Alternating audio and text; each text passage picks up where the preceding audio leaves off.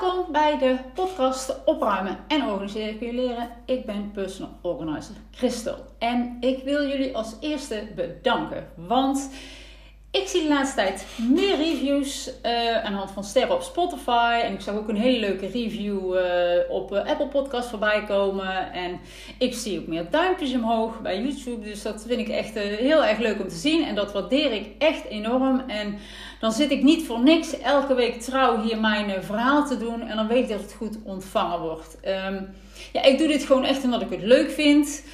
Ja, ik verdien er ook, hè, mensen denken, oh, een podcast verdienen daar is aan. Nee, daar verdien ik helemaal niks aan. Dus, uh, maar dat maakt het niet uit. Ik vind het gewoon heel leuk om te doen. Ik zie het maar meer dan als een soort van uh, ja, uh, vrijwilligerswerk. Um, maar daarom is het wel super leuk als ik dan een reactie van jullie krijg. Dat je er wat aan hebt. En daar doe ik het dan voor. Dus blijf dat vooral ook zo doen. Um, nou, vandaag ga ik het met je hebben over waarom het zo belangrijk is uh, waarom je zelf zou moeten opruimen en organiseren van je huis. Waarom is dat zo goed voor je? Dat je het zelf doet. Daar ligt even de nadruk.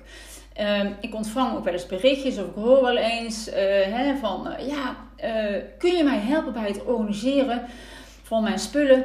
Want ik zoek iemand die mij zegt waar, mijn, ja, waar ik mijn spullen moet opbergen. Nou, er zijn dus ook hè, heel vaak verwachtingen dat een opruimcoach jou gaat vertellen waar je spullen moet gaan opbergen en neer moet zetten. Nou, geloof mij, ik help jou niet als opruimcoach als ik alles voor jou doe en als ik zeg waar je alles, waar je alles neer moet zetten. Dat is leuk voor de korte termijn, maar ik denk hè, dat je natuurlijk wel langer dan een paar weken plezier wil hebben van je opgeruimde huis. En natuurlijk, het klinkt heerlijk als je huis helemaal wordt opgeruimd en georganiseerd als iemand dat voor je doet. Hè? Dat zie je als bij programma's, bijvoorbeeld bij je huis op orde. En ik kan me voorstellen dat je denkt: oh, dat lijkt me heerlijk, dat wil ik ook. En hè, je hoeft dan niet zoveel te doen. Hè? Uh, hè? Met name beslissen over wat je wil houden en wat weg mag. En dat is voor die mensen natuurlijk al heel vaak een hele uitdaging. Hè? Anders zouden ze ook niet deelnemen aan het programma.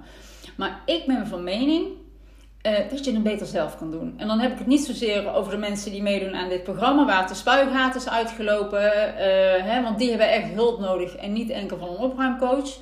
Maar ik ben van mening dat je het beter zelf kan doen. En dat kan natuurlijk ook wel met behulp van een opruimcoach.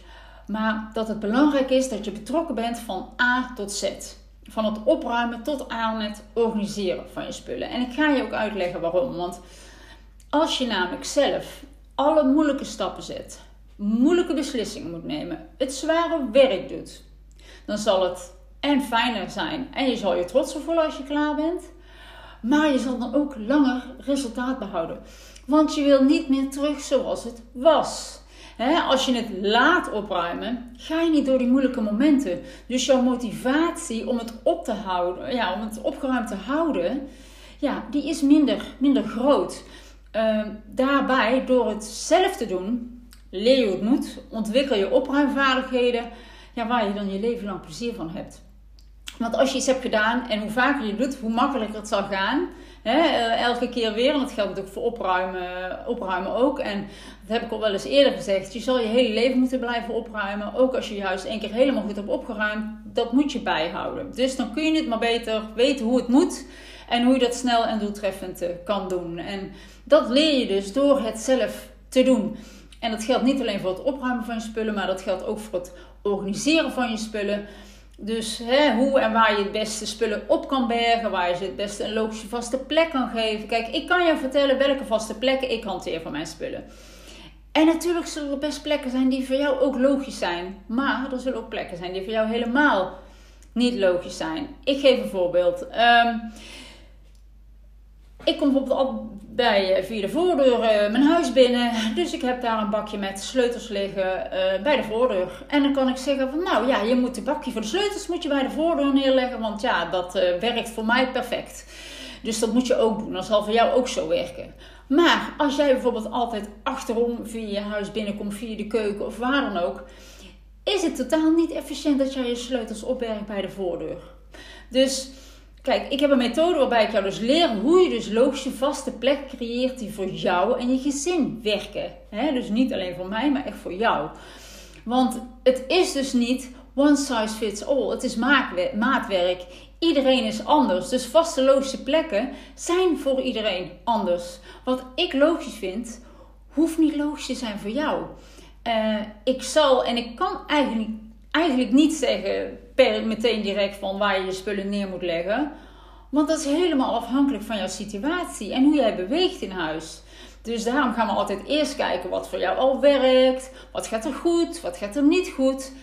En wat kun je veranderen zodat het beter gaat werken voor jou. En natuurlijk kan ik je adviseren, hè, je kunt het misschien dan beter daar neerleggen. En natuurlijk doe ik dat ook. Maar dat doe ik dan wel ook op basis van jouw verhaal. Van jouw gewoontes, van jouw routines die je hebt in huis. Maar het is zo belangrijk dat je er zelf over nadenkt.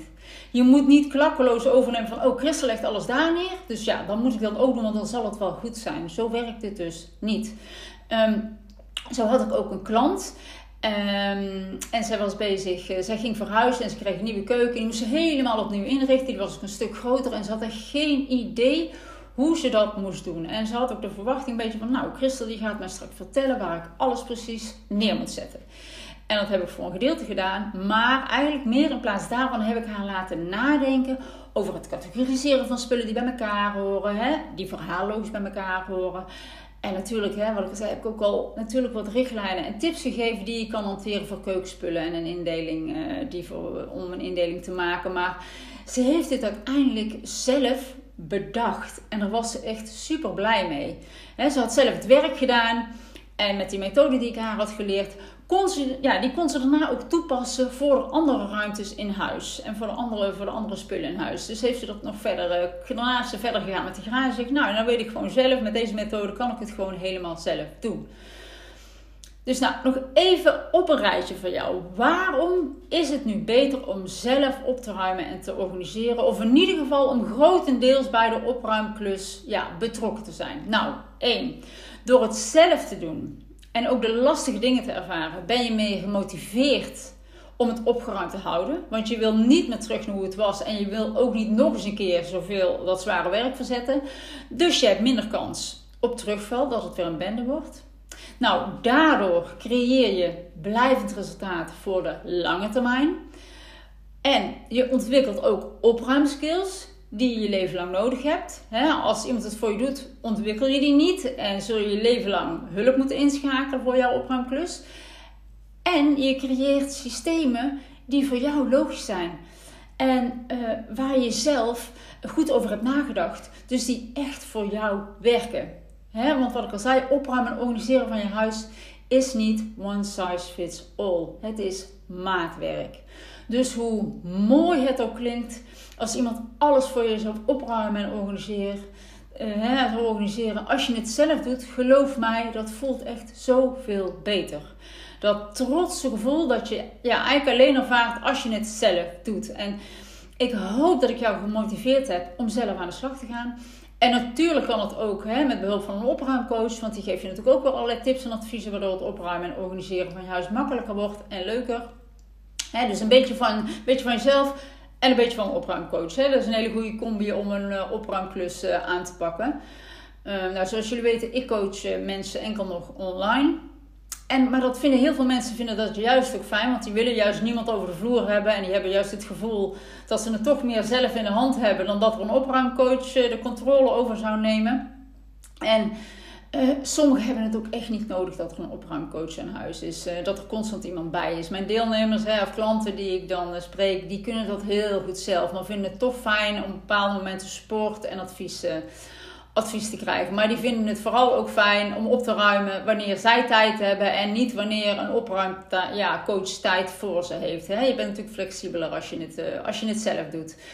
Nou, maar kies vooral wat bij jou past. Is dat meer zelfstandig online of iemand die constant bij je is en met je meekijkt aan huis? Um, dat is vooral heel erg belangrijk. Um, nou, ik heb vorige week nog verteld dat ik vanaf maart de online groepscoaching weer van start gaat. Met maximaal zes deelnemers die ik ja, ga motiveren en enthousiasmeren om die opruimklus aan te pakken.